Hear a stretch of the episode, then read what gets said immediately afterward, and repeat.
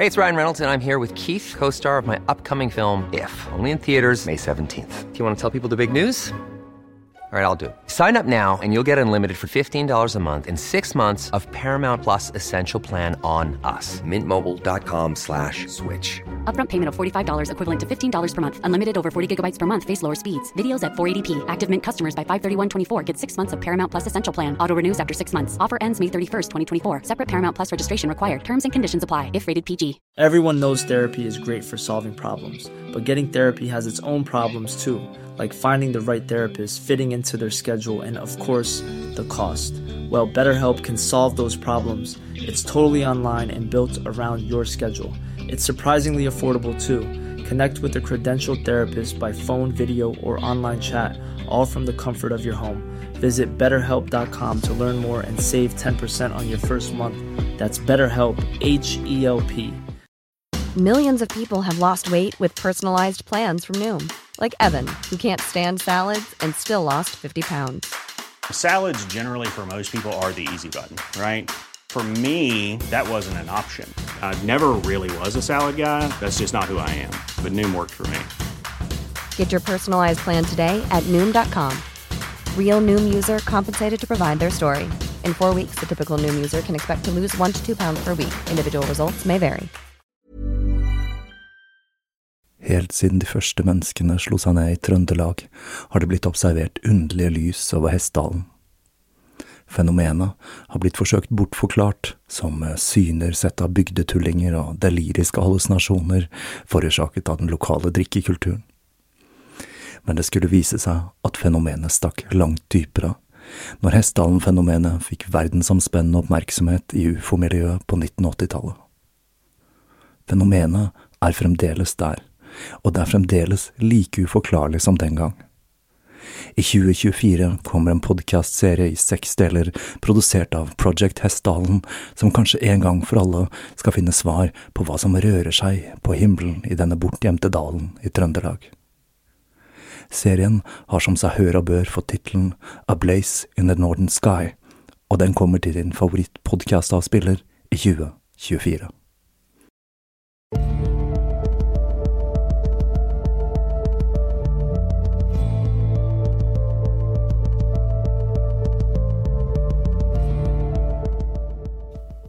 Hei og velkommen til Tåkeprat. Jeg heter Even, og når jeg tar opp denne episode 127, Jenta som vendte tilbake fra døden, så er det selveste kvinnedagen, 8. mars 2020. Det var egentlig helt tilfeldig, men jeg føler at tematikken i denne episoden er en som kan gjøre seg på nettopp kvinnedagen. Igjen så har jeg gått for å lage en av disse dramatiseringene av norsk kriminalhistorie og denne fortellingen dreier seg om en sak som er overraskende lik den jeg tok for meg i episode 64, Randveig og Sigurd. Det er jo litt delte meninger om denne typen episoder. Noen elsker dem, og noen syns det går altfor langt vekk fra den mer dokumentariske stilen som preger de fleste episodene. Men selv så syns jeg det er utrolig artig å jobbe i landskapet mellom fakta og fiksjon, og på den måten forsøke å bruke fantasien for å blåse liv i fortellinger fra fortiden. Jeg må rett og slett grave frem min indre Margit Sandemo, og det er et interessant eksperiment. Og så er det en liten anekdote, eller en liten fortelling, som jeg har lyst til å dele med dere lyttere. Dette var et lite hverdagsøyeblikk som jeg bare følte var litt for bra til å gå i glemmeboken. De siste tiårene så har jeg bodd på en plass uten kollektivmuligheter og jeg syns det nesten er litt magisk at noen bare kunne sette seg på bussen for å komme seg til Oslo. Selv om det skjer mye rart på den bussen, og spesielt på den siste bussen hjem. En lørdagskveld for et par uker siden så tok jeg nettopp den siste bussen hjem, og til min store frustrasjon så hadde jeg glemt ladeetuiet til airpodene mine. Vanligvis så syns jeg det å ta bussen er en flott mulighet til å høre podcaster, lydbøker og slikt men denne kvelden var jeg prisgitt å høre på samtalene til mine ikke helt edru medpassasjerer. Foran meg satt en middelaldrende mann i dress ved siden av ei litt yngre jente som åpenbart var student. Han forsøkte å sjekke henne opp ved å overbevise henne om å gå inn i finansbransjen. Ja, det var noe så veldig også. Jeg forsøkte å blokkere samtalen ute, men det var ikke så lett, og jeg var nødt til å sitte og høre på denne samtalen, som bare ble pinligere og pinligere. Etter dette hadde pågått en 20 minutters tid, så reiser en dame seg for å gå av bussen. Hun peker på jenta og sier, Jeg har et råd til deg. Ikke bli med han der hjem. Og da klarte ikke jeg å holde meg lenger, og jeg brast ut i latter, og jeg tror til og med kanskje jeg ga damen en liten applaus.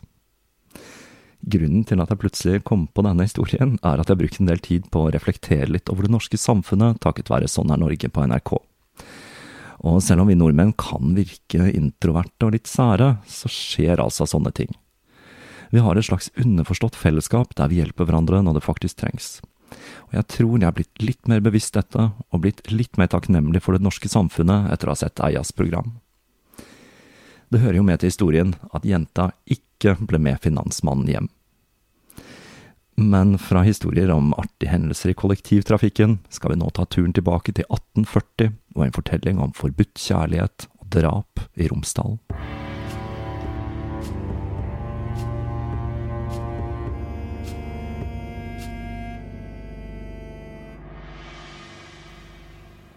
Vinteren hadde begynt å trekke seg tilbake fra dalførene i Romsdal, og de første vårblomstene tittet fram fra bakken mens naturen sakte, men sikkert våknet fra dvalen og jorden på nytt ble fylt med liv.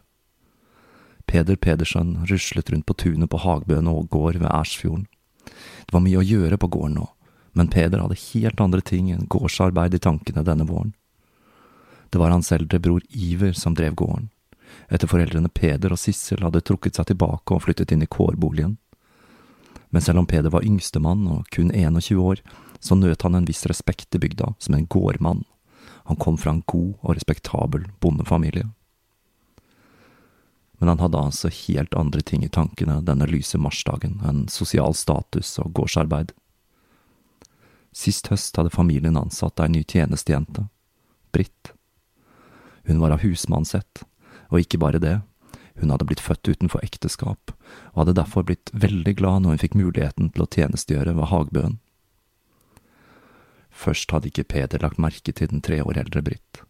Men når vintermørket hadde lagt seg over gården og mye av arbeidet ble gjort innomhus, hadde de to etter hvert utviklet et vennskap. Og kanskje mer enn et vennskap, tenkte Peder der han gikk og sparket småstein på tunet. Etter hvert hadde han innsett at Britt, til tross for sin lave status, var både pen og intelligent.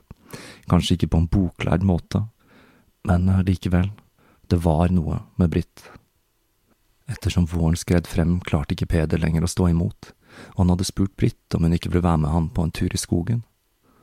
Rødmende hadde hun takket ja, til noe som ble til mange turer til skogs med de to i løpet av våren og sommeren. Det var selvsagt hemmelig. Ingen måtte få vite at Peder, som hadde tenkt å gifte seg med ei gårdsjente, hadde seg med ei av husmannsstand, og attpåtil ei som ikke var ektefødt men Peder klarte ikke å styre seg. Det var noe spennende og forbudt med det hele, og måten Britt tedde seg på, ja, det var noe med Britt.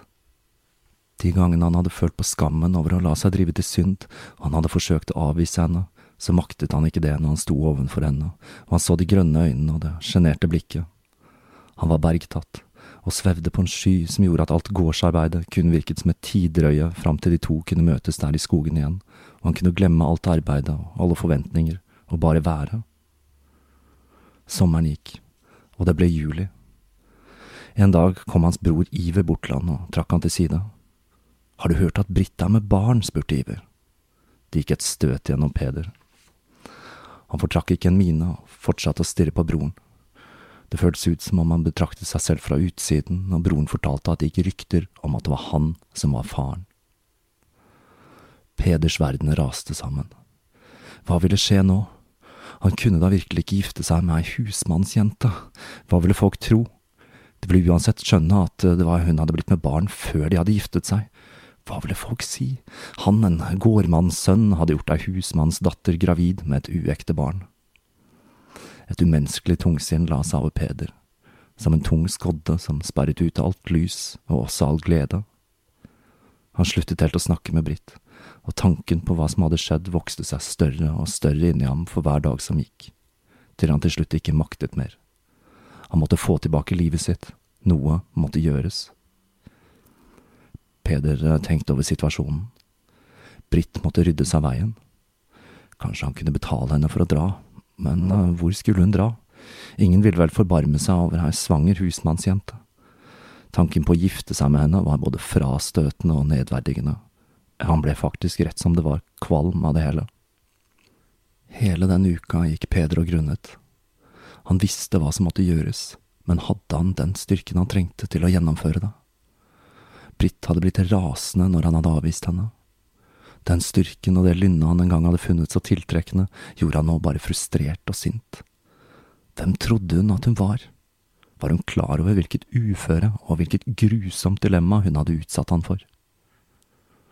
Lørdag den 1. august 1840 bestemte han seg for at han var nødt til å ta saken i egne hender. Den kvelden fant han fram en øks og la ut på vei mot Sandvik.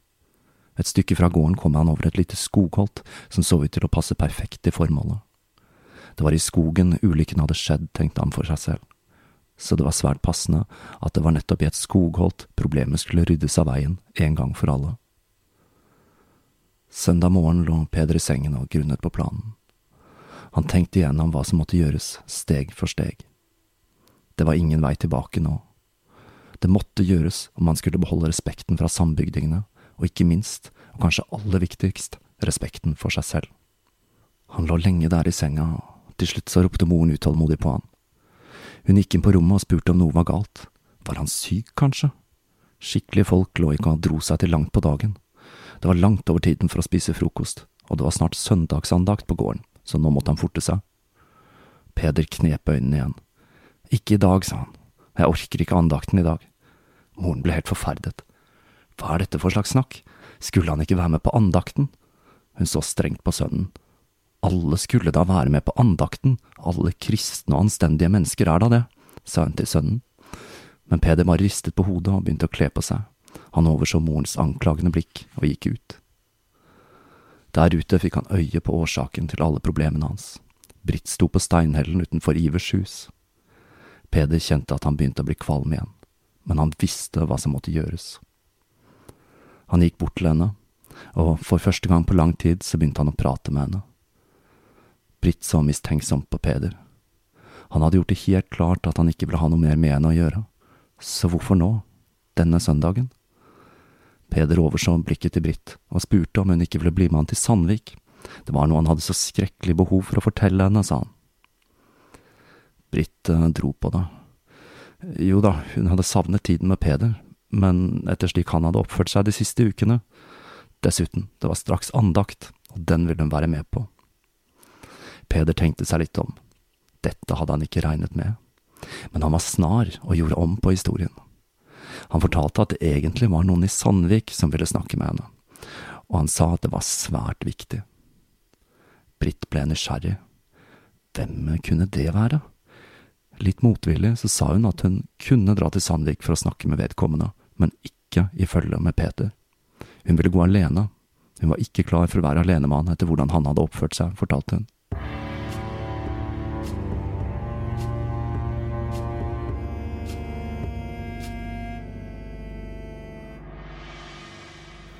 Britt la av gårde på vei til Sandvik, mens hun undret seg over samtalen.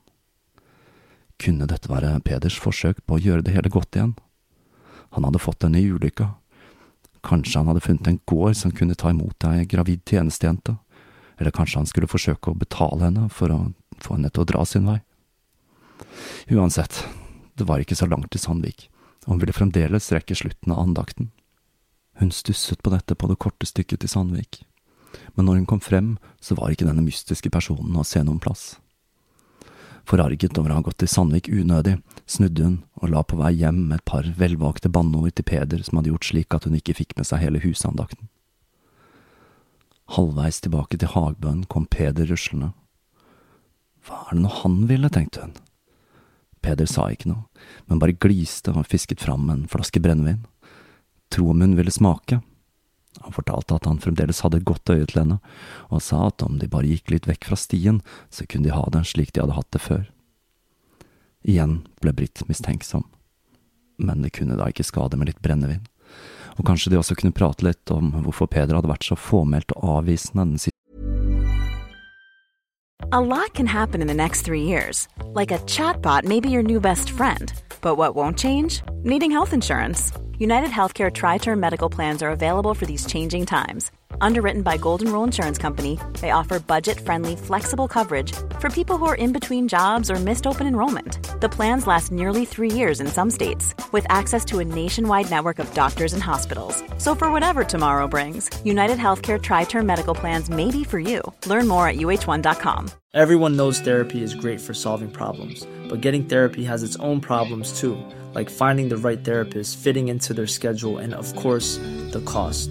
Well, BetterHelp can solve those problems. It's totally online and built around your schedule. It's surprisingly affordable too. Connect with a credentialed therapist by phone, video, or online chat, all from the comfort of your home. Visit betterhelp.com to learn more and save 10% on your first month. That's BetterHelp, H E L P. siste. Hun ble med ham inn i skogen, og de fant seg et buskas der de satte seg til å drikke. Men det ble verken hyggelig prat eller en hyrdestund, men krangel. Peder spurte om det var sant det han hadde hørt, at hun var gravid. Ja, svarte Britt, som om han ikke visste det, og selvsagt var det han som var faren, hvordan kunne det være noen tvil om det? Alle vet at du er løs, skrek Peder, fanden vet hvem som er faren. Britt ble rasende. Hun reiste seg opp og skrek til Peder. Om jeg så hadde ligget med ti andre i mellomtiden, så ville det fremdeles være du som var faren. Britt lo. Sinnet blusset opp i Peder. Du skulle vært kastet på havet, skrek han. Britt lo mer. Nå som du har meg her, kan du gjøre hva du vil med meg, sa hun og spyttet på bakken. Det svartnet for Peder. Han grep tak i øksa og bykset mot henne. Men atter en gang så gikk ikke alt etter planen. Britt begynte ikke å løpe slik han hadde forestilt seg. Hun grep fatt i økseskaftet og fikk avverget slaget. Så begynte en vill kamp på liv og død. Begge rev i øksa og forsøkte å få kontroll over våpenet, og i basketaket gikk de begge to over ende, og slåsskampen fortsatte på bakken. Peder hadde aldri forestilt seg at Britt hadde slike krefter, og hun sloss mot han med en desperasjon og villskap som om hun var besatt. Hvor lenge basketaket varte, var ikke lett å si. Tiden sto stille, men det var til slutt Peder som med sin overlegne fysiske styrke klarte å rive øksa fra henne. Britt sparket ifra alt hun maktet, og forsøkte å komme seg på bena, men nå som Peder igjen hadde øksa, og Britt hadde ryggen til, visste han hva som måtte gjøres. Han kylte baksiden av øksa inn mellom skulderbladene hennes, hun ble slått i bakken.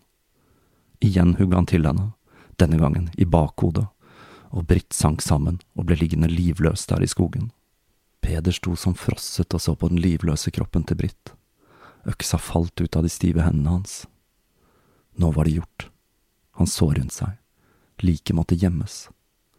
Han slepte Britt bort til en berghammer som stakk ut 30 meter over sjøen, la kroppen der og trillet den utfor. Det ville gå lang tid før noen fant henne der, i alle fall om de trodde at hun hadde dratt fordi hun skammet seg over å være gravid, dratt hjem til familien eller for å tjenestegjøre på en annen gård, kanskje.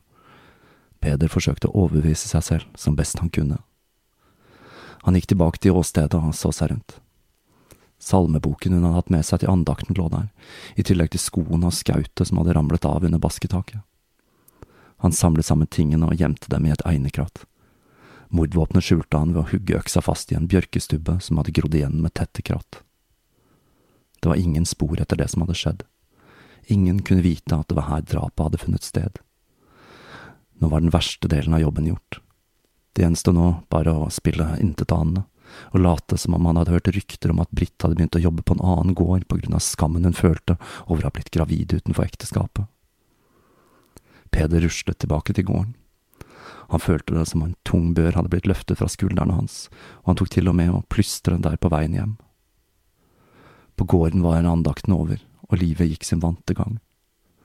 Senere på dagen spiste familien middag, og ingen bemerket at Britt ikke hadde vært å se. Alt så ut til å gå etter planen denne søndagen. Britt var et annet sted, et fredelig sted. Hun husket ikke helt hvordan hun hadde kommet dit, men nå som hun var der, så virket det som om det var der hun skulle være. Brått kom en skygge over henne. Noe var galt, det var noe som ikke var riktig med det hele. Luft, luft, Tanken for gjennom henne, og brått var hun våken. Hun lå i vannet. Desperat forsøkte Britt å svømme, men det gikk ikke. Kroppen virket ikke som den skulle. Hun så rundt seg, hun var rett ved land, om hun nå bare klarte å ta seg fram de få meterne dit. Hun beveget den ødelagte kroppen, og sakte, men sikkert så klarte hun å nå bunnen og fikk skubbet seg opp i fjæra, før alt igjen ble grått og hun var tilbake på det fredelige stedet. En stund etter middagen dro Peder til nabogården for å spille kort. Ingen la merke til noe spesielt med Peder. Han var akkurat slik han pleide å være, ja, kanskje til og med litt muntrere enn vanlig. Igjen skyllet lettelsen over ham. Han hadde klart det. Nå hadde han igjen en fremtid med høy sosial status foran seg, og igjen så livet like lyst ut som før den ulykksalige dagen Britt hadde begynt å jobbe på gården. Men så skjedde det utenkelige. Søsteren hans brast inn i stua der mennene satt og spilte, og hun hadde forferdelige nyheter. Andpusten fortalte hun at Peder måtte komme hjem straks, det hadde skjedd noe forferdelig på gården. Noen hadde funnet tjenestejenta Britt i en så forferdelig lemlestet tilstand at man fryktet at hun var døden nære. Lykkerusen til Peder brast. Var hun ikke død? Hun hadde jo vært helt livløs når han hadde kastet henne over berghammeren. Hvordan var dette mulig? Kunne han ha tatt så feil? Kanskje Britt var sendt tilbake fra Vår Herre for å hevne seg på ham? Og så gikk det opp for han. Om hun var i live, kunne hun ha fortalt hvem som hadde forvoldt henne skaden. Peder unnskyldte seg overfor vennene og la i vei tilbake til gården sammen med søsteren. Han spurte forsiktig om Britt var i stand til å snakke, og om hun hadde sagt noe om hva som hadde skjedd med henne. Søsteren stoppet opp og tok et tak i armen til Peder. Hun sier det var deg, sa hun med et alvorlig blikk. Peder kjente en synkende følelse i magen, men forsøkte å se forbløffet ut. Meg? Nei, slett ikke. Hvorfor skulle jeg gjøre noe sånn? Kanskje hun har slått hodet og blitt tomsete, svarte han, før han rev seg løs fra grepet og gikk resolutt tilbake mot gården. Da de kom tilbake, nektet Peder først å gå inn og se til Britt. Han bare satt på tunet og stirret tomt ut i luften. Det tok familien flere timer å til slutt overtale han om at det nok var best at han gikk inn og snakket med jenta, siden hun hadde utpekt han som gjerningsmann. Peder gikk inn, og trakk et dypt pust før han gikk inn i rommet der den hardt skadde Britt lå i senga. Det var åpenbart at livet hennes sto i fare. Peder tok mot til seg, gikk fram til senga og spurte om det var sant det han hadde hørt, at hun hadde sagt at det var han som hadde mishandlet henne. Britt hostet, og med en kraftanstrengelse grep hun etter hånda til Peder, så ham i øynene og sa ja, måtte Gud tilgi deg. Det hele ble for mye for Peder. Rommet begynte å spinne, og han hørte en brummende lyd i ørene som bare ble sterkere og sterkere før han ble innhyllet i et altoppslukende mørke. Han sank sammen ved siden av sengen til Britt, og måtte bæres tilbake til sin egen seng, hvor han ble liggende helt til neste dag. Den neste dagen gikk han igjen inn til Britt, og spurte om hun virkelig mente at det var han som hadde forvoldt henne skade, og igjen svarte hun ja og ba Gud tilgi ham. Men denne gangen besvimte han ikke, men sverget på at dette ikke var hans verk. Han skrek. Fanden rive hjertet ut av mitt liv og slenge det i veggen om det er jeg som har forvoldt meg mot deg. Men til tross for dette utbruddet og at Peder fortsatte å nekte at det var han som sto bak ugjerningen, så var det ingen som trodde på han. Og når det gjaldt motiv, så visste alle godt at Britt var gravid, og man hadde lenge mistenkt hvem som var barnefaren. Etter hvert innså Peder at det var liten vits i å fortsette å spille uskyldig, og han valgte til slutt å fortelle broren Iver at det Britt fortalte var sannheten men han orket ikke lenger å være på gården, og han flyktet hjem til søsteren og svogeren, hvor han ble til han ble hentet av lensmannen. Peder ble avhørt for første gang onsdag 5. august, og da nektet han igjen for kjennskap til saken. Men i arresten kom han på bedre tanker. Det var liten vits i å nekte for ugjerningen når han allerede hadde tilstått overfor broren og Britt selv hadde pekt han ut som gjerningsmann. Så neste dag tilsto han at det var han som hadde stått bak. Etter han hadde tilstått, så ble han tiltalt for drapsforsøk, og han ble satt i arrest fram til saken kom opp 14 dager senere. Når legen undersøkte Britt, så konstaterte han at hun hadde en rekke slag, kutt og hodeskader forårsaket av øksa. Hun var lammet i venstre arm og bein, og det var åpenbart at hun ville dø dersom hun ikke fikk medisinsk behandling. Hun ble transportert fra Hagbøen til Molde, hvor hun ble operert, men skadene var for omfattende og livet sto ikke til å redde. Britt døde den 16. august 1840. Dette fikk selvsagt store konsekvenser for Peder, som nå ikke lenger kun var tiltalt for drapsforsøk, men for drap. I rettssaken så endret Peder igjen forklaringen sin. Han hadde aldri planlagt å drepe henne, fortalte han. Han hadde møtt Britt på vei til Sandvik, og de to hadde begynt å prate. Men Britt var svært hissig, sa han, og de hadde begynt å krangle. Dette hadde ført til at Britt hadde dyttet, og da han hadde dyttet tilbake, så hadde hun begynt å kaste stein. Peder hadde forsøkt å gå i dekning for dette bombardementet. Da oppdaget han at det sto en øks i en stubbe der. Mens han sto og så på denne øksa, så ble han truffet av en stor stein i skulderen, og det fikk han til å gripe tak i øksa og slå etter Britt i ren panikk. Det hele dreide seg om nødverge, fortalte Peder. Flere vitner ble kalt inn for å underbygge Peders påstand om at Britt var svært oppfarende, men dette skulle gå dårlig. Vitnet fortalte at Britt riktignok var ei sterk dame med bein i nesa som visste å si ifra, men det var bare i ord, ikke i gjerning. I tillegg sa tjenestefolkene på gården at Britt slett ikke var vanskelig, og selveste sognepresten ga henne også de beste skussmål. Peders forsøk på å forsvare seg med å sverte Britt skulle ende opp med å slå dårlig ut for ham selv, da han forsøkte å kaste skygge på den ulykkelige hvis liv han har oppofret. Når alle avhørene var over, var det liten tvil. Peder var skyldig i drap. Og ikke bare drap. Han hadde drept ei husmannsdatter fordi hun bar hans uekte barn. Det at han hadde misbrukt hennes tillit og lokket henne ut i skogen for å ta livet av henne, var noe som var ekstra skjerpende. Og sist, men ikke minst, siden hun var gravid, hadde han faktisk tatt livet av to mennesker, hvorav det ene var hans egne ufødte barn. Retten fastslo at dette var handlingen til en kald og kalkulerende drapsmann, og kun den aller verste straffen var ille nok for en av hans slag. Kroppen på steilet og hodet og hender på stake. Familien søkte om benådning. De viste til at han var ung og at en slik dom ville gå hardt utover foreldrene. Men de ble ikke hørt. Straffen var endelig, Peder måtte dø for ugjerningen. På retterstedet ble kroppen satt på steile, og hender og hode ble satt på stake til skrekk og advarsel. Dette var en av de siste gangene denne typen straff ble benyttet i Norge. Den skulle bli avskaffet i 1842. Den eneste nåden Peder ble vist, var at kroppsdelene ble tatt ned etter tre dager, før de ble begravet på retterstedet.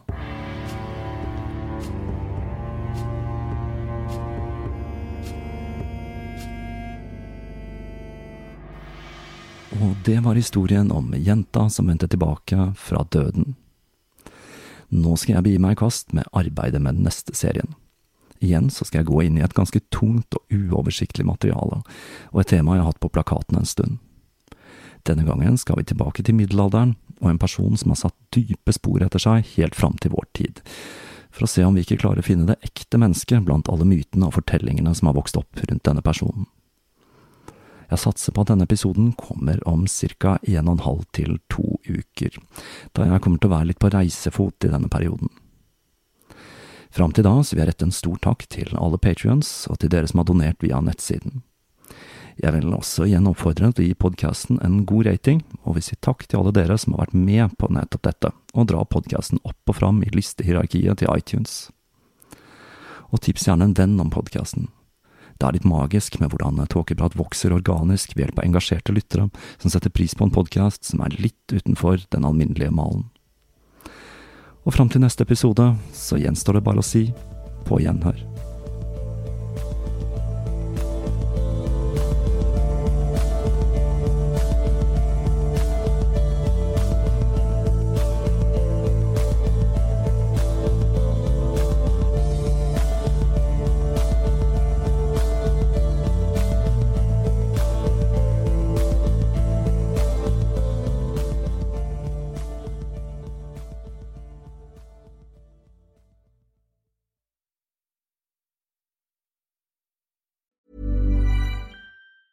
Planning for your next trip?